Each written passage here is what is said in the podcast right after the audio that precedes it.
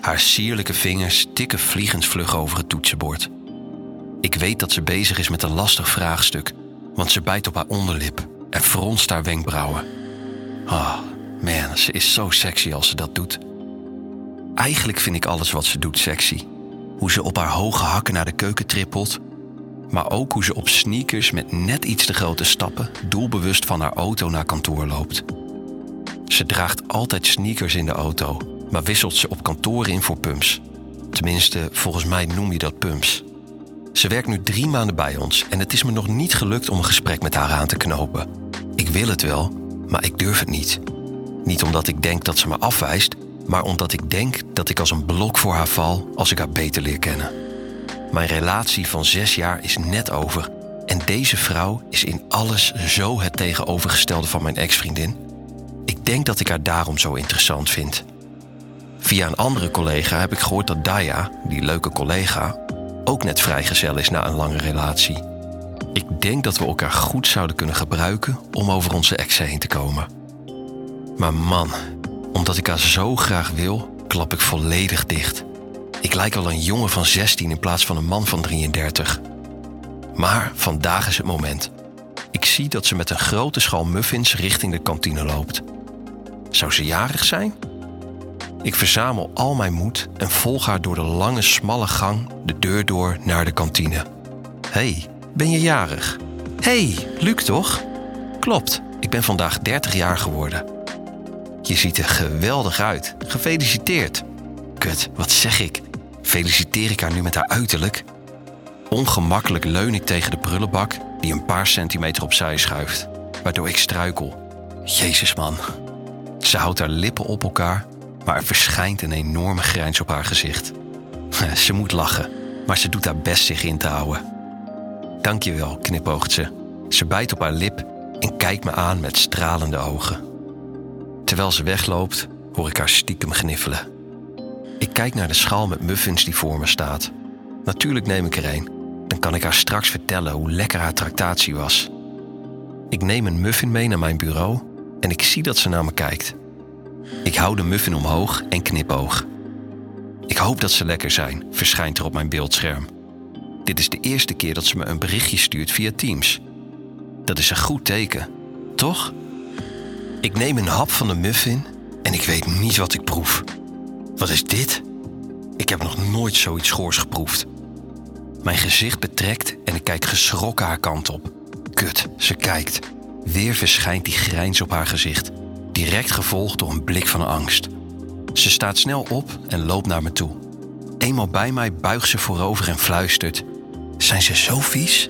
Ik kijk haar aan en nog met mijn mond vol knik ik. Ik heb nog nooit zulke vreselijke muffins geproefd, proest ik uit. Oh nee toch, help me, kom. Terwijl ik nog steeds kou op de goorste muffin aller tijden, trek ze me uit mijn stoel richting de kantine. Er zijn vier muffins weg, maar de meeste liggen er nog. Ze pakt een muffin, neemt voorzichtig een hapje en kijkt mij dan vol ongeloof aan. Wat heb ik gedaan? gilt ze.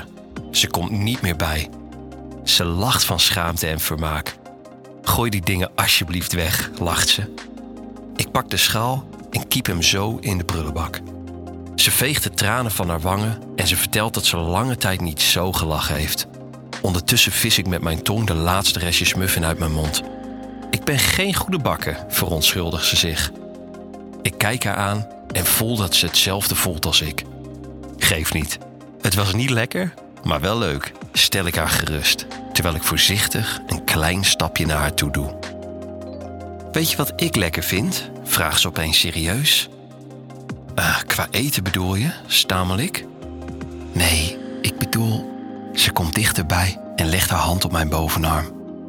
Zal ik laten zien wat ik lekker vind? vraagt ze nog een keer, terwijl ik de warmte van haar lichaam kan voelen. Hier? vraag ik. Ik kijk om me heen. We zijn alleen en ik kan de deur vanuit binnen op slot doen. Terwijl ik haar aan blijf kijken, loop ik naar de deur en draai ik het slot om. Ik heb wel gezien hoe je de afgelopen maanden naar me kijkt, zegt ze zelfverzekerd. Ik kijk haar streng aan en vraag of ze dat vervelend vindt. Ze zegt van niet. Ze zegt zelfs dat ze mij vanaf het eerste moment ook wel interessant vond. Elke dag als ik op kantoor kwam, hoopte ik dat je me aan zou spreken. Maar je deed het steeds niet. Ik werd gek van binnen. Ze bijt weer op haar onderlip en legt haar hand in haar nek. Maar elke avond fantaseerde ik over het moment dat we elkaar eindelijk zouden spreken. Fuck, het is duidelijk wat ze wil. Ze wil mij. Mijn broek trekt strak om mijn steeds groter wordende erectie, terwijl ik in haar vurige ogen kijk. Haar borst beweegt heftig op en neer en haar huid wordt roder. Ik pak haar vast bij haar heupen en druk haar lichaam tegen die van mij aan. En wat gebeurde er dan in die fantasie? Fluister ik met mijn lippen in haar nek. Ze beweegt haar hand langzaam richting haar buik en naar haar broek. Gaat ze dit echt doen? Ze maakt haar knoop open en haar hand schuift soepeltjes onder haar slip. Ik zie door het stof dat ze met haar vingers kleine rondjes draait. Ze kreunt zacht en kijkt me uitdagend aan. Jij ook. Ik beweeg mijn hand naar mijn broek en kijk haar vragend aan als ik mijn gulp vastpak.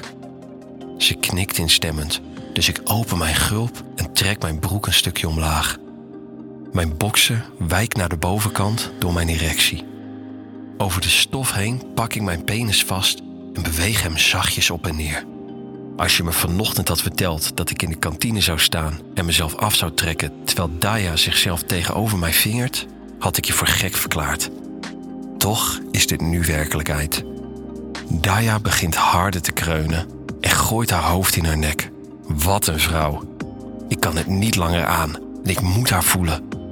Pak haar stevig vast. Ze haalt haar hand uit haar broek en brengt haar vingers naar mijn mond. Terwijl ik haar opwinding van haar vingers aflik, voel ik hoe ze mijn broek omlaag trekt. Ze trekt me mee naar een tafel, rolt haar broek tot op haar enkels en buigt voorover terwijl ze gewillig haar billen spreidt. Ze kijkt me aan en fluistert. Het ging in mijn fantasie ongeveer zo. Ik grom van geiligheid en duw mijn stijve langzaam bij haar naar binnen. Tering, fluister ik. Ik kijk haar aan en zie dat ze grijnst. Dit is wat ik wil, fluistert ze terug. Ik besef even wat er gebeurt. Ik sta in de kantine en neem een vrouw over wie ik al maanden fantaseer, terwijl ze voorovergebogen op een tafel ligt in ons kantoor.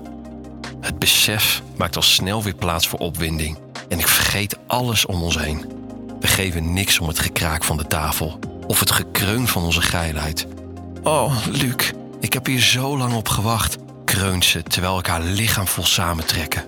Ik voel hoe ze pulserend op mijn erectie klaarkomt. Met één hand grijpt ze de rand van de tafel stevig beet en de ander drukt ze vol in haar mond om haar gekreun iets te dempen. Het werkt alleen niet echt.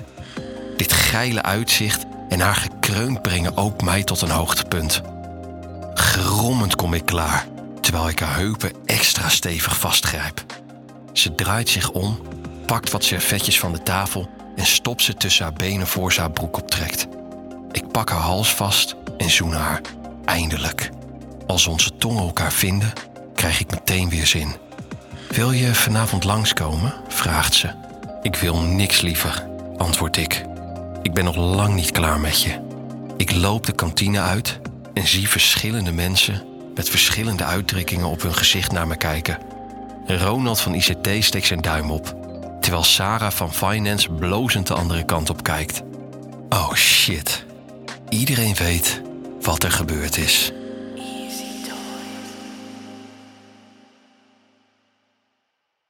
Wil jij nou meer spannende verhalen? Luister dan naar Charlie's Avonturen, een podcast van Easy Toys.